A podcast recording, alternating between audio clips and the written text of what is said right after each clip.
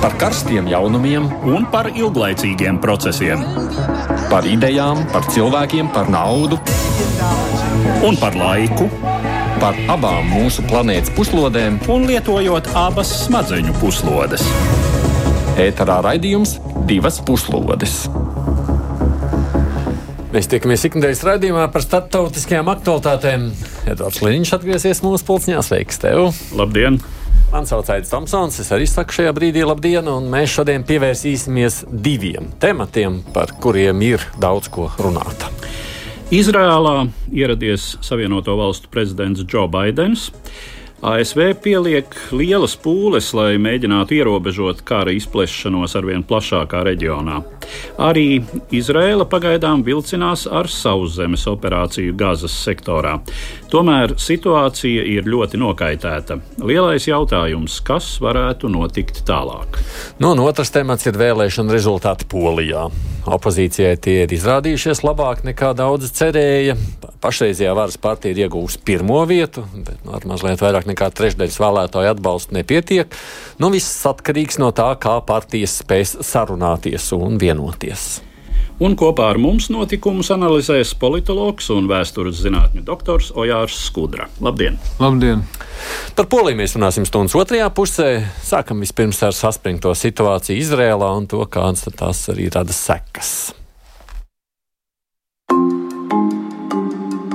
Pēdējās nedēļas notikumi apstiprinājuši bēdīgākos pieņēmumus par tiem rezultātiem, kādus Gazas joslas iedzīvotājiem nesīs viņu politiskā valdītāja teroristiskās organizācijas Hamas izraisītais karš pret Izrēlu. Vairāk nekā divi miljoni iedzīvotāji izrādījušies iesprostoti nelielajā teritorijā, kuras robežas paliek cieši noslēgtas, ūdens, elektrības un citu resursu piegāde pārtraukta un pret kuru Izraels aizsardzības spēki vērš savas kara aviācijas jaudu, līdzinot ceļu sagaidāmajam sauszemes spēku iebrukumam. Saskaņā ar Gazas pārvaldes sniegto informāciju, šais triecienos jau nogalināti vismaz 3000 cilvēku. Savukārt Izraels avoti min vairāk nekā tūkstoti nogalinātu Hamas un citu bruņoto grupu kaujinieku, kas liek secināt, ka konflikts prasījis jau simtiem Gazas civiliedzīvotāju dzīvību. ANO un citas starptautiskās organizācijas asi kritizējušas Izraels 13. oktobra norādījumus civiliedzīvotājiem pamest joslas rietumdaļu, pārvietojoties uz dienvidiem. Tas nozīmētu, ka vairāk nekā miljonam cilvēku jāpamet savas dzīvesvietas un jāatrod patvērums salīdzinoši mazāk apdraudētajos rajonos, kuri tāpat ir pakļauti gan atsevišķiem aviācijas triecieniem, gan pārējām kara darbības izraisītajiem postam. Ir pamats domāt, ka iedzīvotāju pārvietošanos mērķiecīgi kavē arī Hamas, cenšoties izmantot viņus kā dzīvo vairogu. Kā jauns spilgts akcents šai ainā ir vairāku simtu civiliedzīvotāju nāve vakar notikušajā eksplozijā vienā no Gazas pilsētas slimnīcām. Jaudīgā sprādziena iemesls nav droši zināms. Hamas pārstāvjiem, protams, vainojot Izraelu, savukārt Izraels aizsardzības spēkiem norādot uz domājamu neveiksmīgu raķetes palaišanas mēģinājumu no slimnīcas teritorijas.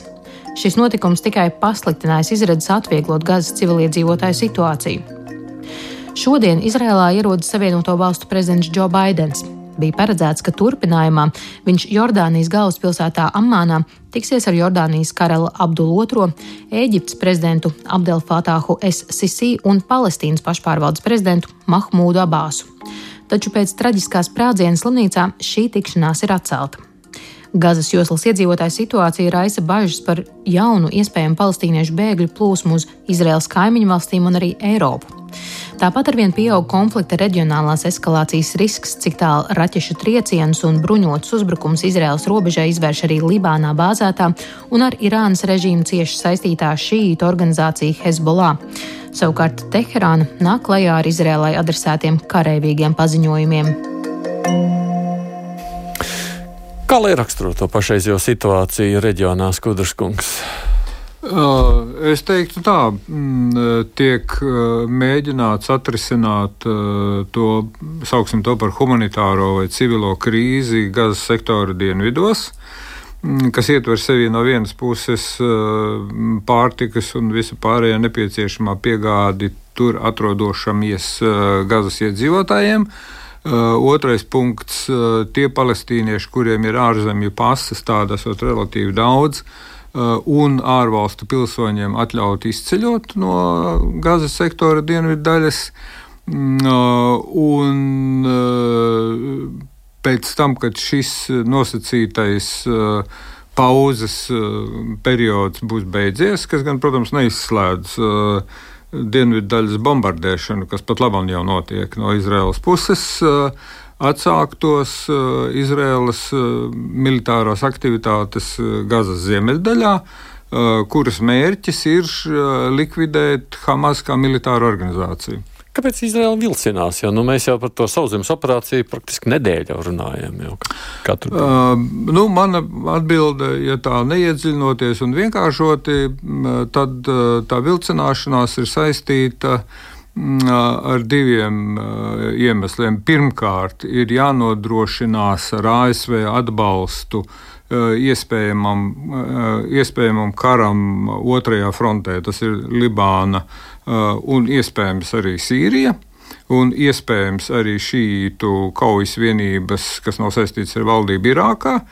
Mm, uh, Tātad uh, ASV kongresā republikāņi jau sagatavojuši attiecīgo likuma projektu, kurš kaut kad šonadēļ tikšot balsots un, un pieņemts. Uh, Un tā nepieciešamība saistās ar to, ka pēc ASV konstitūcijas ASV bruņoties spēki nedrīkst izdarīt triecienus tre, trešo valstu teritorijās,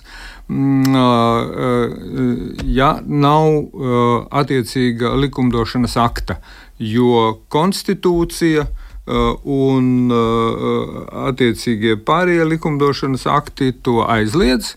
Uh, šis, šis uh, nosacījums ir pārkāpts.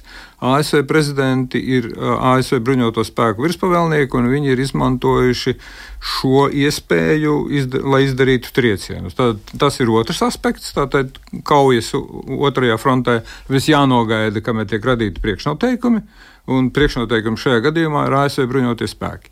Tā tad Un otrs priekšnoteikums ir izlūkošana un priekšnoteikumu sagatavošana, teiksim tā, militāri tehnoloģisko, ņemot vērā to, ka tā pazemes tuneļu sistēma Gazā ir grandioza, dziļākie tuneļi ir 40 metru dziļumā, un šajos tuneļos tiek ražota munīcija tiek slēpti ieroči un munīcijas krājumi.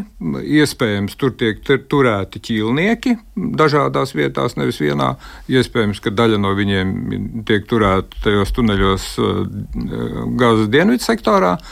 Mm, tā kā, teiksim, nu, pat labāk, kā var saprast no tām bombardēšanām un no uh, atsevišķām uh, operācijām, teiksim, tā, uh, pierobežas sektorā, bet Gazas teritorijā, kādas tiek veiktas, un, un, protams, par kurām nekas netiek ziņots, jo tās ir slepenas izlūkošanas operācijas.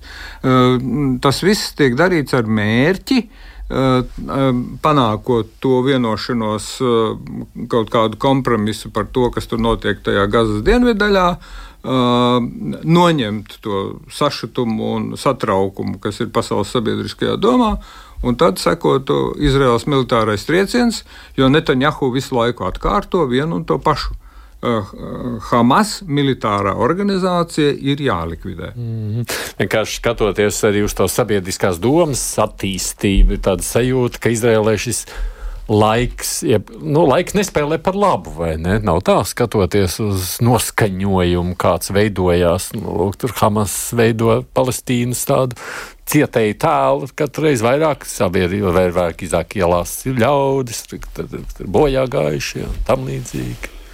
Nu, grūti teikt. Es domāju, ka tam, ka būs daļa sabiedrības pasaulē, kā tas visu laiku arī ir, kas ies demonstrācijās, kritizēs un gānīs Izraēlu par to, ko tā dara, nu, tam Izraēla ir vairāk vai mazāk gatava. Es drīzāk domāju, ka vilcināšanās kā tāda ir saistīta ar militāri taktiskiem apsvērumiem arī ļoti lielā mērā, jo uh, kara darbība pilsētu vidē arī mūsdienās ir pietiekami sarežģīts uzdevums. Es domāju, ka runa ir par to, ka Izraela mēģina ar uh, attālinātiem, respektīvi šajā gadījumā pirmkārt izmantojot kara aviāciju, uh, nu, pietiekami nolīdzināt saviem sauszemes spēkiem ceļu. Lai... Bet vienkārši kāpēc to jautāju? Man liekas, ka tie centieni mēģināt ietekmēt sabiedrisko domu jau ļoti acīm redzam. Mēs redzam, beig beigās pat lūk, Džo Baidena vizītes uh, uh, programma tiek atcelt un mainīta tieši tāpēc, ka, nu, lūk, te pārāk daudz gājuši bojā jau šobrīd gazas sektorā,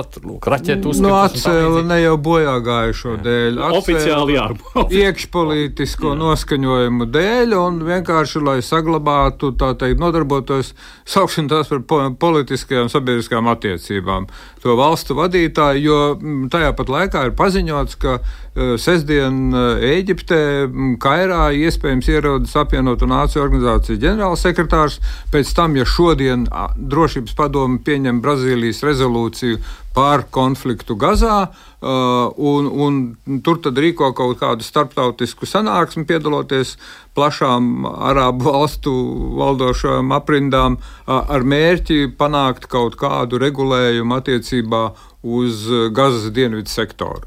Jo, jo skaidrs, ka m, Izraela šajā gadījumā tajā konferencē nepiedalīsies, un, un Izraela no sava militārā mērķa atteikties nevar. Jo, jo tas faktiski nozīmē uh, Netanjahu atkāpties no premjerministra posteņa. Nē, tā pašā laikā mēs redzam, lūk, pie, vakar mēs zinām, kurš sašāva slimnīcu. Nezinām, cik gājuši bojā. Nu, arī īsti nezinām. Bet pirmajās, tas, kas parādījās pēc būtībā pirmo stundu laikā visus medijus aplito ziņa, Izraels raķete sašāvusi slimnīcu, 500 bojā gājušie. Nu, ne Tas neatiec uz amerikāņu jā, jā. CNN, piemēram. Jā, un cilvēki iziet ielās, mēs redzam, tur daudzās valstīs jau sadursmes ar policiju, asargāzes lietošanu. Tas bija arī agrāk. Vai ne? Jā. Nu, jā, nu, tas nozīmē, šis politiskais sabiedriskās attiecības darbojas arī šajā aspektā. Var, eh, teiksim, pieņemt, ka tā ir nejauša sakritība, ka ir šis sprādziens sprādziens uh, slimnīcā. Uh, bet es neizslēgtu arī versiju, kā tas pat varētu būt sarīkots inscenējums, un vai, vai tur patiešām ir kā, jā, šīs ziņas ir pietiekami pārliecinošas, nu, ka tur ir daudz bojā gājušo. Uh, kas to zina? Un, um, tas, ka iegansts, acīm redzot, lai tomēr atceltu šo tikšanos ar Baidenu, uh, Uh, bija vajadzīgs uh, tiem potenciālajiem sarunu partneriem, tāpēc, kā acīm redzot, viņu pašu vidū nav vienotības par to, respektīvi, tātad Ēģipte, Jordānija un palestīniešu pašpārvalde. Viņu vidū ir uh, dažādas teiksim, domstarpības, un, kā jau Skudras kungs arī teica, iekšpolitiski. Nu, sevišķi, ja runa par palestīniešu pašpārvaldi, kas vispār ir tādā ļoti labilā un, un arī nu, teiksim, juridiski apšaubāmā situācijā. Jo, ja būtu palestīniešu tautas griba, kā mēs to varam nosaukt. Abās sen nebūtu tad, vadītājs. Tad abās sen nebūtu vadītājs, un tā sacīt, Hamas valdītu ne tikai Gazas sektorā, bet arī Rietum, palestīniešu autonomijā Jordānas upstrietumkrastā. Tad kāda jēga ir no šīs dienas Džo Baidena iebraukšanas Izrēlā? Ko tad mēs varam sagaidīt, kādu rezultātu no šīs, nu, salīdzinoši jau teicu, īsās vizītes sākotnēji? Nu, es uh, domāju, ka tas ir pirmkārt domāts kā atbalsta žests un uh, solidaritātes žests, uh, kas ir veltīts Izraēlai un Izraels, Izraels sabiedrībai. Uh, kā tiek atzīmēts, tad pirmo reizi Savienoto Valstu prezidents apmeklē Izraēlu kara situācijā, un kā teiksim, uh, Uh, tas ir bīstamāk, es pat teiktu, kā aizbraukt uz Kīvu šai brīdī. Uh, jo attālumi ir mazāki un, uh, teiksim, islāmistu kaujinieku gatavība notēmēt arī uz kādu vietu, kur potenciāli varētu uzturēties Savienoto Valstu prezidents, ir krietni lielāka. Ja? Nu, tā, tā, tā drosme nogalināt šajā ziņā, es teiktu, krietni lielāka nekā jebkuram kas varētu šaut pa Kijevu. Uh, nu, lūk, uh, tā, tas, ir, tas ir tāds uh, pirmām kārtām, jā, solis apliecinot savu mm, tomēr nepārprotamu atbalstu Izrēlai. Es domāju, ka tiks runāts uh, aiz slēgtām durvīm arī par ļoti konkrētu atbalstu, par ko jau Skudrs kungs arī teica, kā Savienoto valstu militārie spēki uh, var iesaistīties vajadzības gadījumā. Nu, tiek, tas, kas tiek, protams, deklarēts, kā Savienotās valstis nav gatavas, kā pagājušā gadsimtā sūtīt uz šo reģionu tātad savu karaspēku, respektīvi nu, potenciāli Um, Savienoto valstu militāra piedalīšanās kaut, kādas, kaut kādās Izraēlas operācijās, nē, bet iespējams kaut kādās atkal humānās misijās gan. Uh, lai kaut kā amortizētu to situāciju Gazas sektorā, kas patiešām nu, nepārprotami briesmīgi. Mm -hmm. Nu, es no savas puses varētu piebilst to, ka m, uzmanīgi tomēr jāklausās tajā, ko Baidens teica žurnālistiem, esot klāt. Viņš teica, ka m, par sprādzienu hospitālī, ka uh, to nesarīkojāt jūs, bet kāda cita komanda. Tā tad netika nekas konkretizēts. Tas pirmkārt, tas liecina par to, ka arī ASV izlūkdienestam nav ziņas, vai arī tās ziņas šobrīd ir, ne, nav nepieciešams paust. Kas varēja būt alternatīva? Alternatīva varēja būt Palestīnas islāma džihādisti vai kāda vēl radikālāka organizācija, kādas arī pastāv Gazas sektorā. Tā, tā, tas ir viens aspekts. Otrs aspekts - Baidens tomēr piedalījās Izraēlas kara kabineta sēdē. Kara kabinetu uh, veido trīs cilvēki - Netanjahu, uh, opozīcijas līderis Gans uh, un uh, uh, Likud uh, pārstāvošais aizsardzības ministrs. Tātad šīs trīs personas. Nu, par ko viņi sprieda? Visticamākais par tālāko attīstību militārajā jomā šajās, šajā uh, mm. Izraēlas karā ar, ar Hamas Gazā. Nu, bet tās lielās bažas, protams, ir par to, cik plašs tas karš var iziet. Irānas draudi, kas tiek pieminēti, jā, vēl. Nu, kas ir pat faktiski nopietnākie draudi? Jo runājot par pārējām, uh, reģionu valstīm Eģipte absolūti nav ieinteresēta jebkādos konfliktos ar Izraelu. Tā ir jau desmit gadiem ilga Eģiptes pozīcija, ka tā, um, protams, neatbalstot tieši Izraelu, bet cenšas spēlēt tādu pēc iespējas vidutāju lomu un pašai Eģiptei. Protams, arī uh, viss, kas saistās ar Hamas, uh, rada ļoti lielas bažas par jebkādu iespējamu Hamas ietekmes eh, pieaugumu, pat tikai Sinai pussalā, nerunājot par Eģiptu kopumā. Tā kā nu, jautājums, kā ir ar Jordāniju, kas eh, teiksim, kuras varai varētu būt eh, daudz lielāks tas sabiedrības spiediens. Proti, palestīniešiem labvēlīgs un kur dzīvo daudz ļaužu, kas ir pēc izcelsmes palestīnieši. Nu, Sīrija ir, ir Sīrija un Libāna tās pašas ir, nu, respektīvi šīs valstis kā valstis diezin vai. Bet, nu, tur, protams, jā, Hezbollah pirmām kārtām un vēl citi kaut kur pie apvāršņa, kā runā, atkal ir parādījusies arī Islāma valsts. Mm. Nu, tur, kur notiek, piedodiet par izteicienu, šāds tusiņš, tur jau nu, visi jā. šādi šādi, šāda publika ir ar prieku gatava piedalīties. Islāma valsts uh, kaujinieki kontrolē uh, salīdzinoši ar pārējiem spēkiem, ka, kur tur nemazums ir bez, bez Asāda režīma. Uh, viņi kontrolē vairākas nelielas teritorijas Sīrijas teritorijā. Un, un tur tās islāma valsts kaujinieku vienības joprojām darbojās.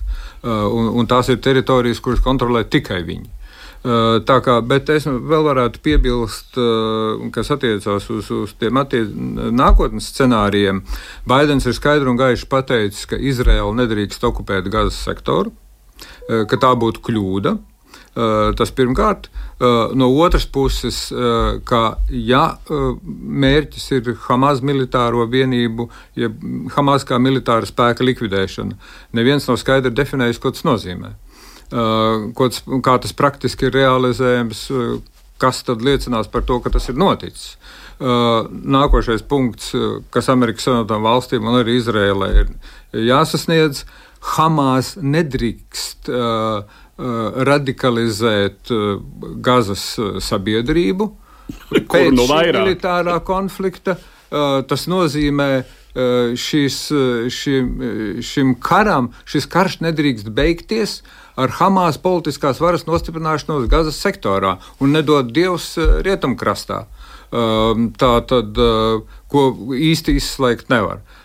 Nu, līdz ar to ir, ir, ir pilnīgi skaidrs, un es piekrītu šajā gadījumā tiem amerikāņu ekspertiem, vadošiem amerikāņu ekspertiem, kuri saka, tas galvenais punkts, ko pat labam nevar celt galdā, bet kas būs jādara pēc tam, kad karš beigsies, Izrēlai būs jādefinē, kāds tad ir ceļš ejams līdz Palestīnas valstiskuma atjaunošanai. Un, un pagaidām ne, ne, ne ASV administrācija, ne Izraela par to, protams, nav gatava runāt, tāpēc, ka ir karš, bet par to būs jārunā, jo pretējā gadījumā tas karš atjaunosies.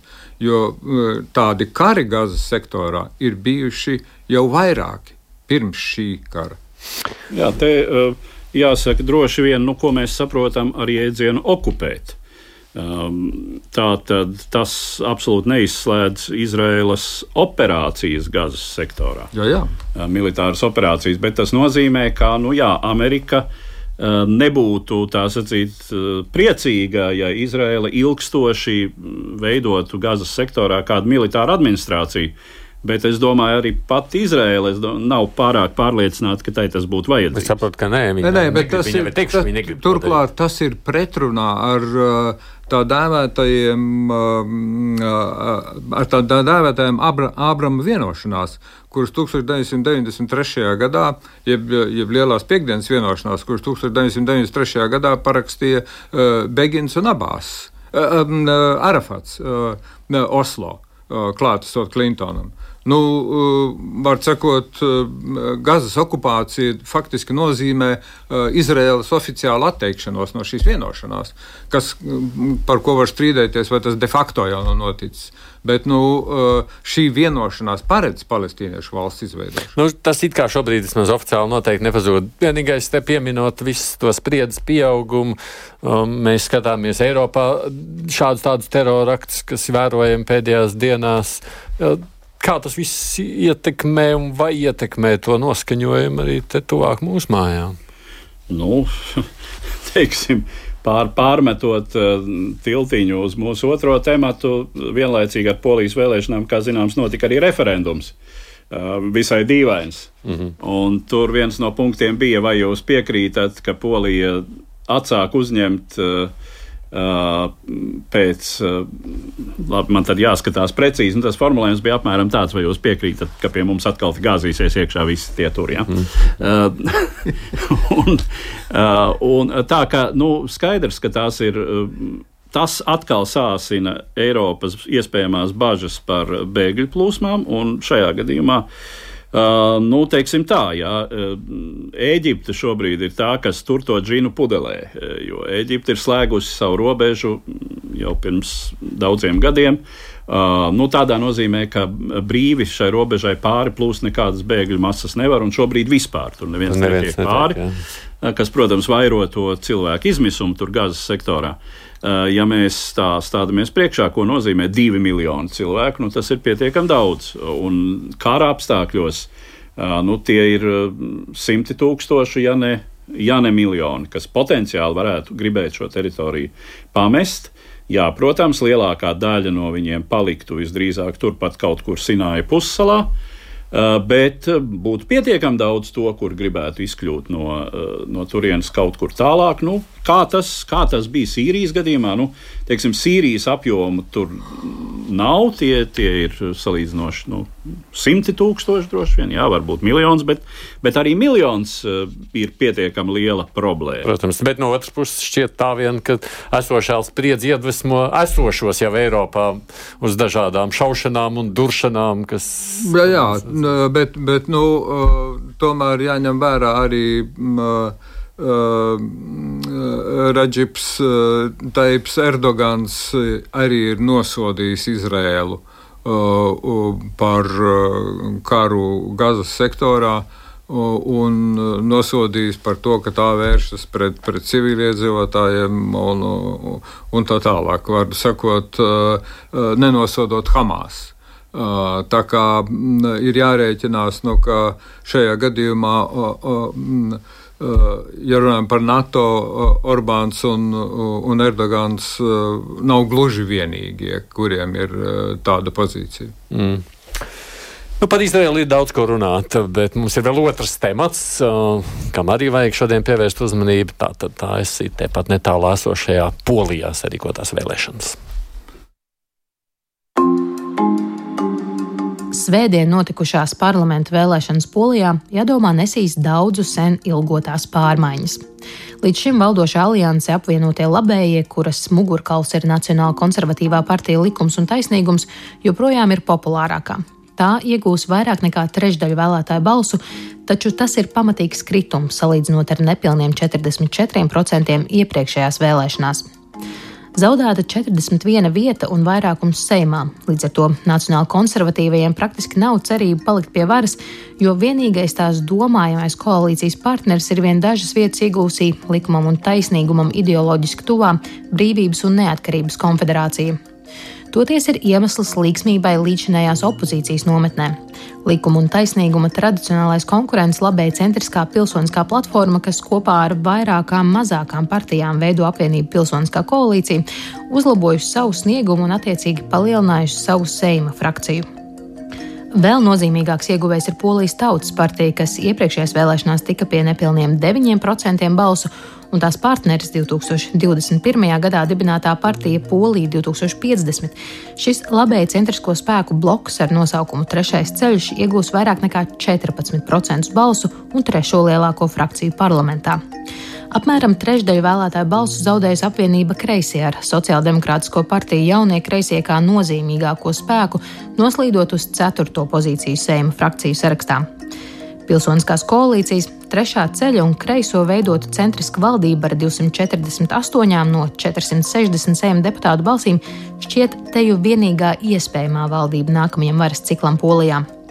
Tiek gan minēts, ka kreisajiem un potenciālās koalīcijas pretējiem spārnam Tautas partijai varētu nebūt gluži vienkārši saskaņot pozīcijas, taču kā nopietnāku iespējamu šķērsli valdības ātrai izveidēji, komentētāji piesauca valsts prezidenta uzticama likums un taisnīgums biedra Andžeja Dudas nostāju.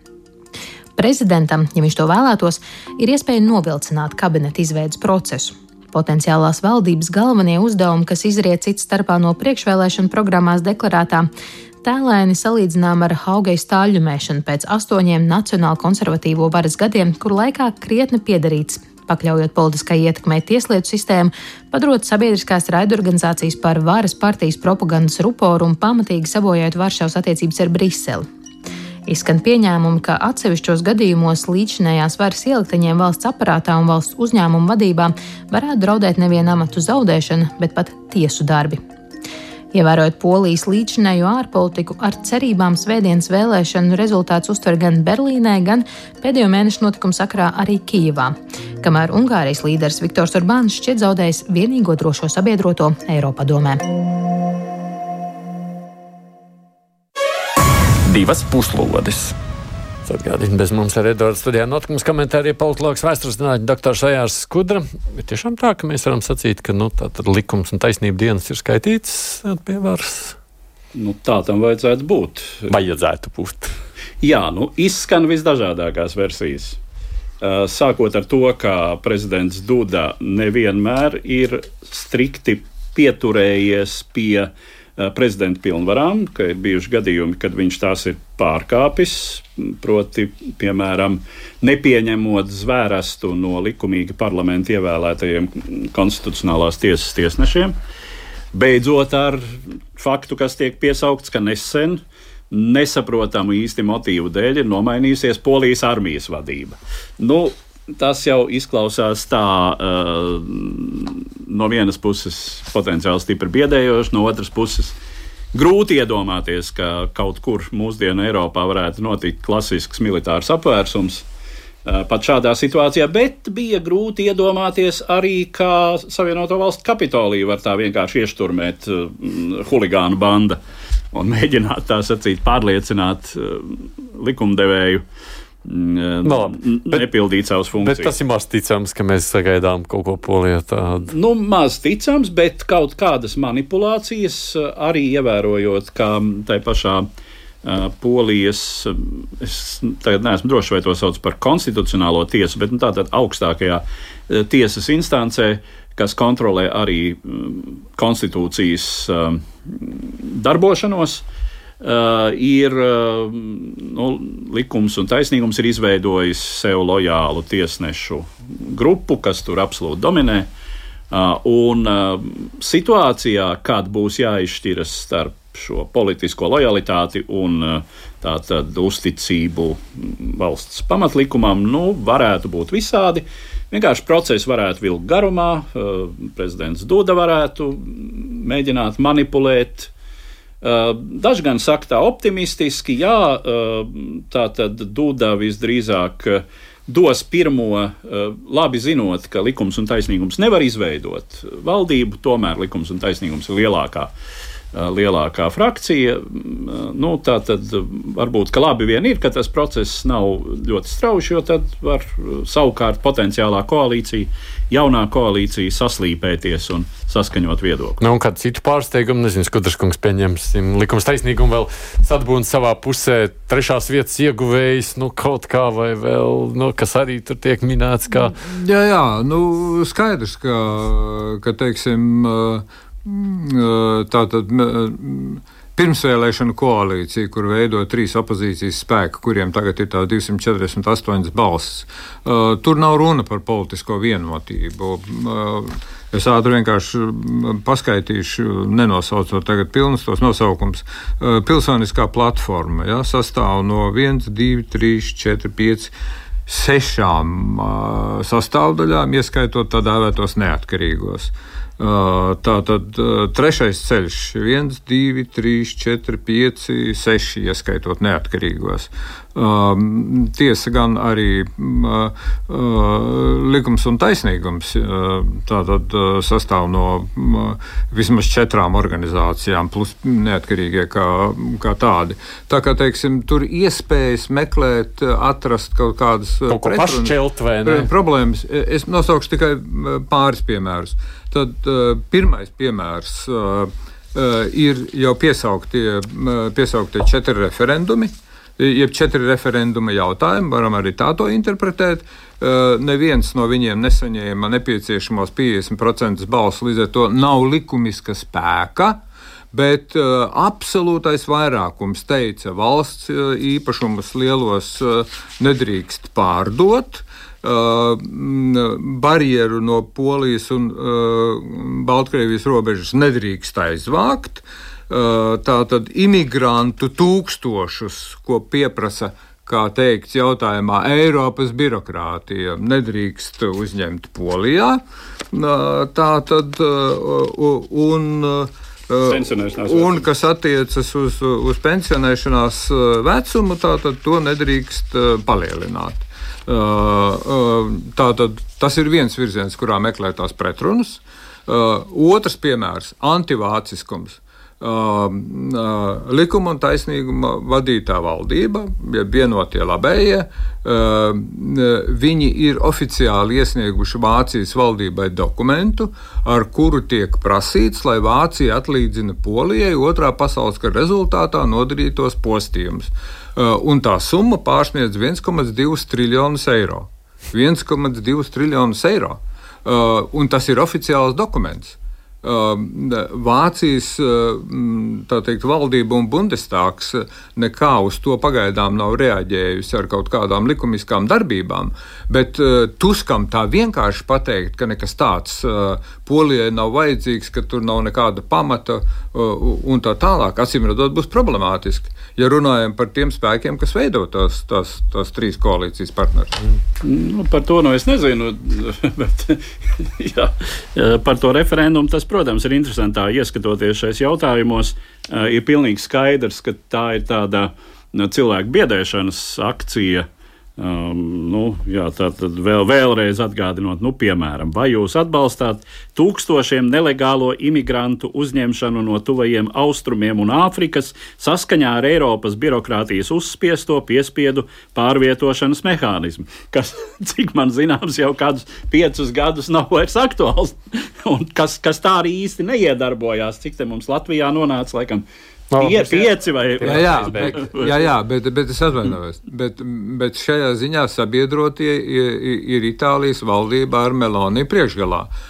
kuri saka, mēs ņemsim, bet pie nosacījuma, ka pārējās Eiropas Savienības valstis par to maksās. Mhm. Runa ir par to, ka Polija arī nemaksās. Jā, jā, jā tas tas jaunais. Jā. Kolēģi jau uzreiz vakar, nu, tad, kad jau bija saskaitīti gandrīz 100% balsts, sarunājās ar Varšavas universitātes pētnieci docētāju Malgožātu Kačarovsku. Paklausīsimies, tad, tad, cik viņi bija vai nebija pārsteigti par šiem vēlēšanu rezultātiem, ko tad viņas prāt varam sagaidīt turpmākajās dienās un nedēļās. Camilo Injustice uh, was, um, was supposed to win uh, the elections. So, uh, es sagaidīju, ka likums un taisnīgums uzvarēs vēlēšanās, tāpēc uh, man tas nebija pārsteigums. Es biju visai droši, ka viņiem ir spēcīgs atbalsts starp viņu vēlētājiem, nu, ka pateicoties viņu īstenotajai sociālajai politikai, viņi iegūs 30 plus procentus vēlētāju atbalstu, bet mazāk nekā 2019. gadā. Prezidents Andrzejs Duda pirms vēlēšanām sacīja, ka visticamāk premjera amatam nominēs uzvarējušās partijas pārstāvi. Uzvarētājs ir likums un taisnīgums tāpēc es sagaidu, ka viņš darīs to, ko viņš solīja. Bet, protams, viņam vajadzētu skatīties uz reālu iespēju partijai izveidot valdību un koalīciju parlamentā, kurai tur ir jāsaņem absolūtais vairākums, kas ir svarīgi. To prasa Polijas konstitūcija. Polijā mums ir tā saucamie trīs soļi, lai izveidotu valdību. Mm, pirmā iniciatīva ir prezidenta rokās. Prezidents redz vēlēšanu rezultātus un nominē kandidātu.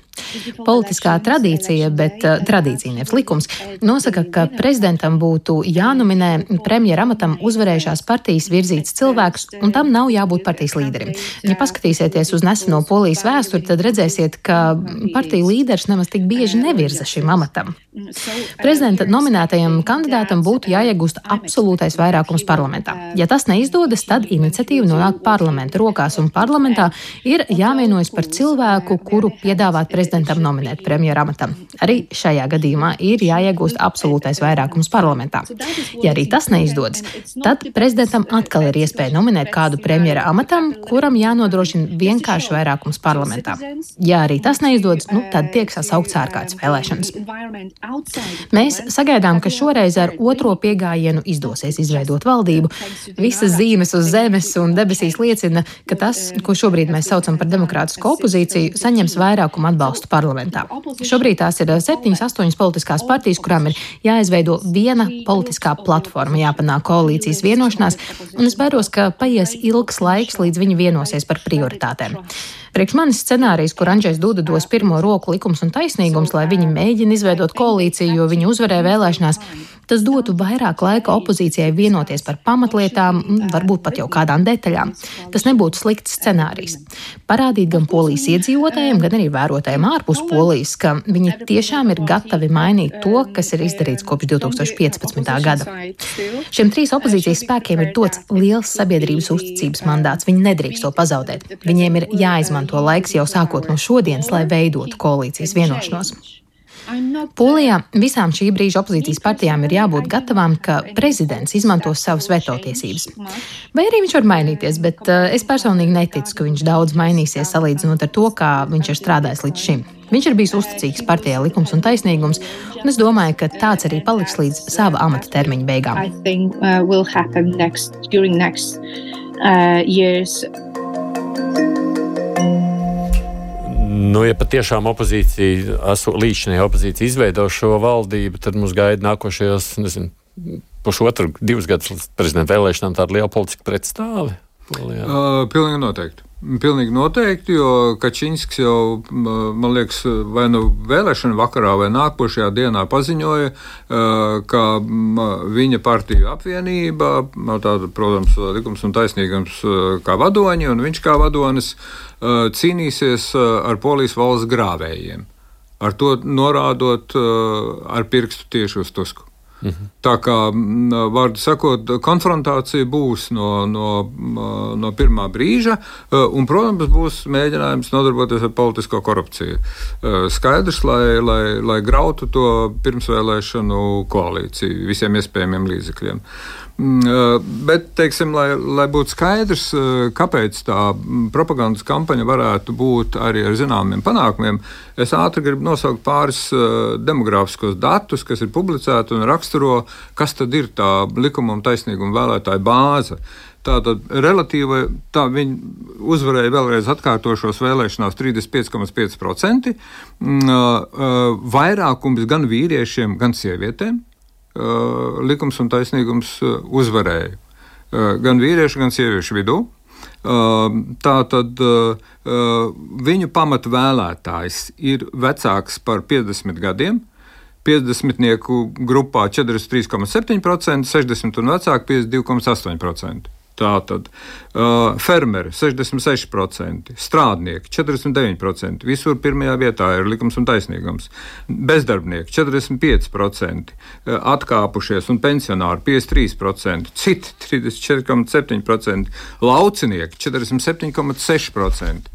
Uh, uh, visas izglītības, uh, izņemot augstāko, Vienīgi cilvēki ar augstāko izglītību tur uzvarēja Tusks ar savu uh, uh, koalīciju. Tā tad ne, ne, ne, ne, šīs, ne šie trīs politiskie spēki, bet Tusks uh, ir pirmajā vietā ar savu pilsoņu koalīciju 38,6% cilvēku ar augstāko izglītību.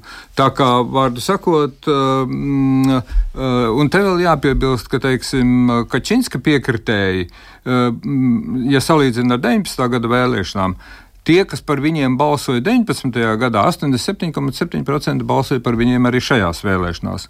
Tuskam ar viņu pilsoņu koalīciju 73,6% un visiem pārējiem jau ir stipri, stipri zemāk. Tā tad 50, 60%. Tā kā teiksim, tas, tas polarizācijas līmenis, kas varētu būt izdevīgs, lai ražotu to konfrontāciju publiskajā telpā, par, galvenokārt par sociālajiem jautājumiem. Jo Kačinskis solīja, ka šogad poļi saņems 13 un 14 pensiju gada beigās. Uh, un uh, iespējams daļa medikamentu par velti uh, sociāli neaizsargātajiem slāņiem. Uh, nekonkretizējot. Uh, ar to viņš gāja uz vēlēšanām. Mm -hmm. nu, lai būtu skaidrs, kāpēc tas procents tomēr ir relatīvi pirmajā vietā. Tas prezidenta vēlēšanas, kas būs, būs arī kaislīgi pilns pēc tam, vai ne? Nu, visdrīzāk, visdrīzāk, jā, un tur nu, arī var paredzēt, ka tur būs arī galvenie pretendenti no šiem diviem jau gadiem konkurējošiem politiskiem spēkiem, tātad uh, likums un taisnīgums un uh, pilsoniskā platforma. Nu, te jāsaka par tām mm, likuma un taisnīguma iespējām uh, pārvilkt savā pusē. Nu, faktiski vienīgais spēks, kur varētu cerēt pārvilkt, būtu šis trešais ceļš. Ar kreisajiem likumam un taisnīgumam mm. nu, ir tik tālas pozīcijas, cik vien var būt. Tur vienkārši nav variantu, un, protams, arī ne jau ar pilsonisko aliansi mm -hmm. nekādā ziņā, bet eh, tā tad, jā, bet nu, arī eh, domājot par to, mm, cik tāda tautas partija varētu būt ieinteresēta. Uh, lieta ir tāda, ka nu, tautas partija visticamāk arī ir tas lielākais vinnētājs, pie kura ir aizgājuši vēlētāji uh, no uh, likuma un taisnīguma. Nu, tādi salīdzinoši svārstīgie vēlētāji, jo tā uh, ir, nu, respektīvi, šis trešais ceļš, Tā ir un tautas partija, kas ir viena no divām šeit trešajā ceļā, ir tradicionālā mm, vecā polijas zemnieku partija. Šķiet, ka vispār vienīgā partija šobrīd politi polijas politiskajā spektrā Uh, kurai vēsture ir vairāk nekā simts gadi. Nu, vismaz viņa tā savas saknes skata jau no 19. gadsimta beigām, un ka lūk, poļi par viņiem ir balsojuši. Uh, pirmkārt, poļu zemnieki. Un, uh, un viņiem līdz ar to sakrīt elektorāts ļoti lielā mērā ar likumu un taisnīgumu. Uh, un, uh, nu, viņiem nebūtu izdevīgi visdrīzāk kļūt par mazo brālīti koalīcijā ar likumu un taisnīgumu, kurš vienkārši viņus varētu nokanibalizēt Jo ir pilnīgi skaidrs, jo, teiksim, šai trīspartiju koalīcijā eh, pilsoniskā uh, platforma nebūs izteikti dominējošais spēks. Viņiem daudz lielākā mērā ir jārēķinās. Tur tās proporcijas ir, citi, ir, ir nu, teiksim tā, pilsoniskai platformai ir eh, kaut vai skatot balsu skaitu, frakciju lielumu, ir nu, zem 50, un tiem pārējiem diviem ir nu, apmēram vienādās daļās atlikusī daļa. Eh, kur savukārt, ja nu teiksim tāda, eh, tāds trešais ceļš iet koalīcijā ar šo likumu un taisnīgumu, tad tur likums un taisnīgums ir, Protams, ir, ir absolūti dominējošais spēks. Nu, par šo runājot, mums ir vēl viens ieraksts par Poliju no kolēģis Ievas, šoreiz Adams Balcers, politologs, Austrumēropas koledžas programmu vadītājs, arī dalās savām pārdomām par vēlēšanu rezultātiem. Uh, yes, I'm surprised positively. Jā, es esmu pozitīvi pārsteigts, jo, lai gan daudzi saka, ka esot gaidījuši šādus rezultātus, bet neviens nerēķinājās ar to, ka mums būs vēlētāju aktivitātes rekords, kas ir būtiski lielāks par to, ko uzstādījām 1989. gada pirmajās daļēji brīvajās vēlēšanās. Un tas, kas ir īpaši pārsteidzošs, milzīgais pieaugums tieši jauniešu dalībā. Iepriekšējās vēlēšanās vecuma grupā no 18 līdz 29 gadiem piedalījās ap 46% balstiesīgo. Šogad 75% devās pie vēlēšanu urnām. Tas ir fenomenāli, ja skatāmies uz absolūtajiem skaitļiem. Vienkārši lieliski. Ja skatāmies uz rezultātiem, īpaši liels vēlētāju skaits pie urnām bija lielpilsētās. Tur gāja vidusšķira. Tātad opozīcija tiešām spēja mobilizēt savus vēlētājus. Tomēr mēs varam teikt, un ir pareizi teikt, ka partijas likums un taisnīgums valdīšana ir bijusi demokrātijas noārdīšanas laiks. Tā ir bijusi slīdēšana autoritārisma virzienā. Tagad mēs esam ārā no bezdibeņa, tomēr spēle nav beigusies. Ja skatāmies uz vēlēšanu rezultātiem, mēs redzam, ka aptuveni 45% poļu balsoja par partijām, kuras var aprakstīt kā eiroskeptiskas, kurām ir skaidrs autoritārisma pazīmes, bet kuras joprojām bauda sabiedrības atbalstu. Par spīti tam mantojumam, ko šie divi termiņi ir atstājuši aiz sevis. Uh, two terms. Uh, it most probably uh, it's going to be uh, rather Visticamāk, tā būs sarežģīta sadarbība starp jauno valdību un prezidentu Andžēju Dudu, kurš nāk no partijas likums un taisnīgums un ir atbalstījis viņus īpaši atslēgas jautājumos. Polijā, ja skatāmies uz prezidentu, viņam ir būtiskas pilnvaras, tā skaitā veto tiesības. Lai veto apietu, ir vajadzīgi 60% parlamentāriešu atbalsta, un topošajai koalīcijai tāda nav. Mēs varam sagaidīt, ka divus gadus mums būs ļoti asa, intensīva politiskā cīņa starp valdību un partiju likums un taisnīgums, kuru atbalsta prezidents. Uh,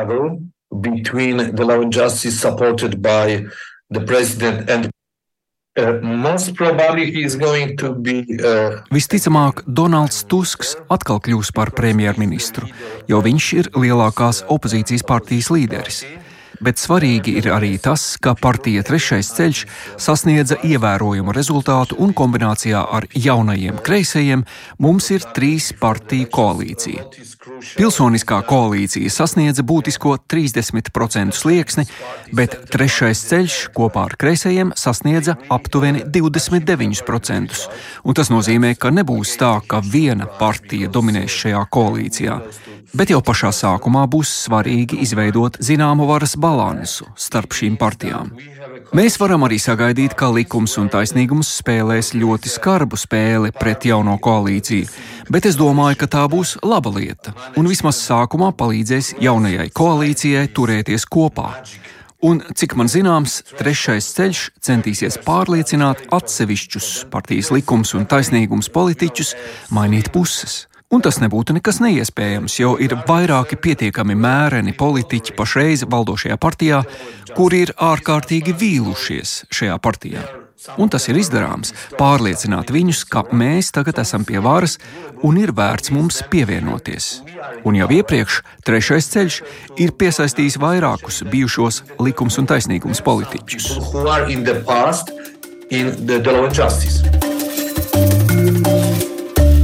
Un Polijas politologs domā, ka varbūt iznāks otrādi, ka trešais ceļš pārvilnās kādas no likums un taisnības.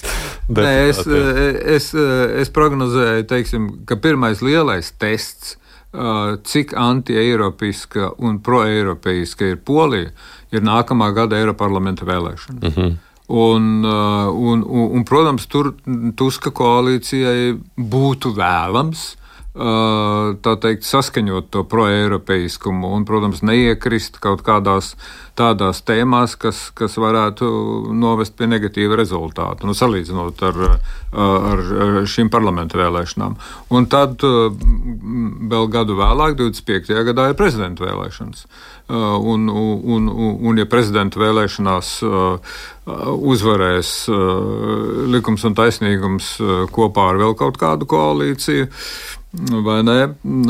Nu, var sakot, šīs divas pārbaudas liecina par to, ka tai valdības koalīcijai, kurai visi prognozē relatīvi grūtu tapšanas stadiju no tāda viedokļa, ka vajadzēs vienoties par rīcības programmu, nevis par uzsaukumu vēlētājiem, tad ir skaidrs, ka nu, uh, Tuska pieredze, protams, uh, un, un, un, un, un vēlētāju atbalsts, īpaši jaunās paaudzes un, un izglītoto, varētu veicināt to, ka viņš tiks galā ar šiem mhm. uzdevumiem. Es vakar, vakar arī sērfoju pa polijas analītiskajiem portāliem, skatoties, kā viņi tur apraksta un spriež par ko tagad būs tie lielie strīdi. Man likās interesants, ka gandrīz visur tāds pirmais darbs, ko jaunā opozīcija tiks pie varas gribētu darīt, ir mainīt televīzijas un radio vadību un viss to, kas notiek. Jā, un pāraugošo institūciju. Pāraugošo institūcijā. Tiešām tā situācija no tev kā kolēģiem tā prasīja tik nokaitāta tur. Nu, es, eh, es neesmu, godīgi sakot, ļoti regulāri skatījies mm, arī nu, valodas barjeras. Mm, valodas barjeras jau nevaram nostāties. Um, nu, paskatīties un saprast jau var, um, protams. Un, bet tik cik es esmu reizēm ieskatījies Polijas sabiedrisko raidorganizāciju saturā, nu, Uh, nu, atgādina drusku, uh, drusku tādu varas sasniegumu uh, uzskaitīšanas. Nu, un tad, protams, izklaide un, un viktorīnas un viss, kas jauks un skaists un krāsains biezā slānī. Tā kā nu, problēmas ir acīm redzot. Un, kā, nu, kā šiem cilvēkiem izdosies mainīt to savu, mm, nu, sevišķi tiem, kas ir bijuši tā sacīt, tai sabiedriski politiskajā virzienā.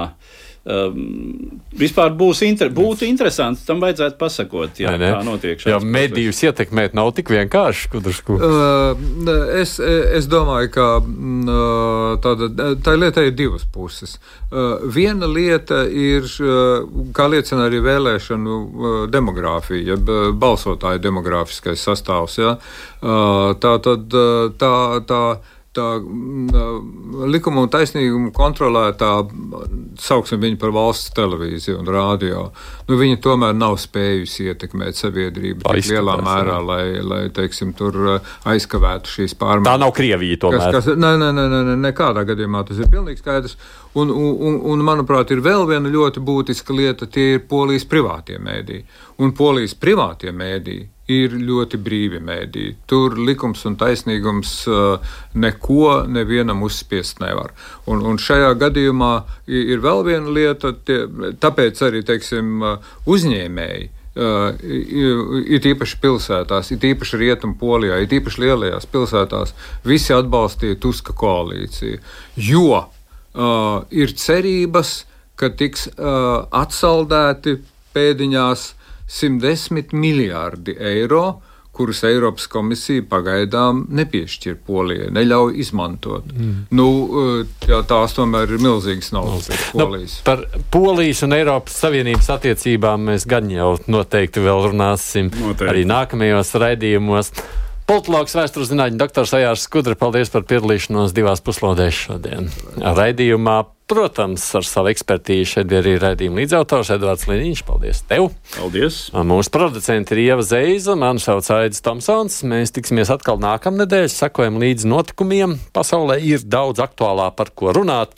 Atgādinu tiem, kas savukārt mūs klausās, mūs var arī klausīties ērtā laikā, tad, kad jums ir vai nu kādos no raidierakstiem, aplikācijā, tā, protams, arī internetu mājaslapā Latvijas radio viens.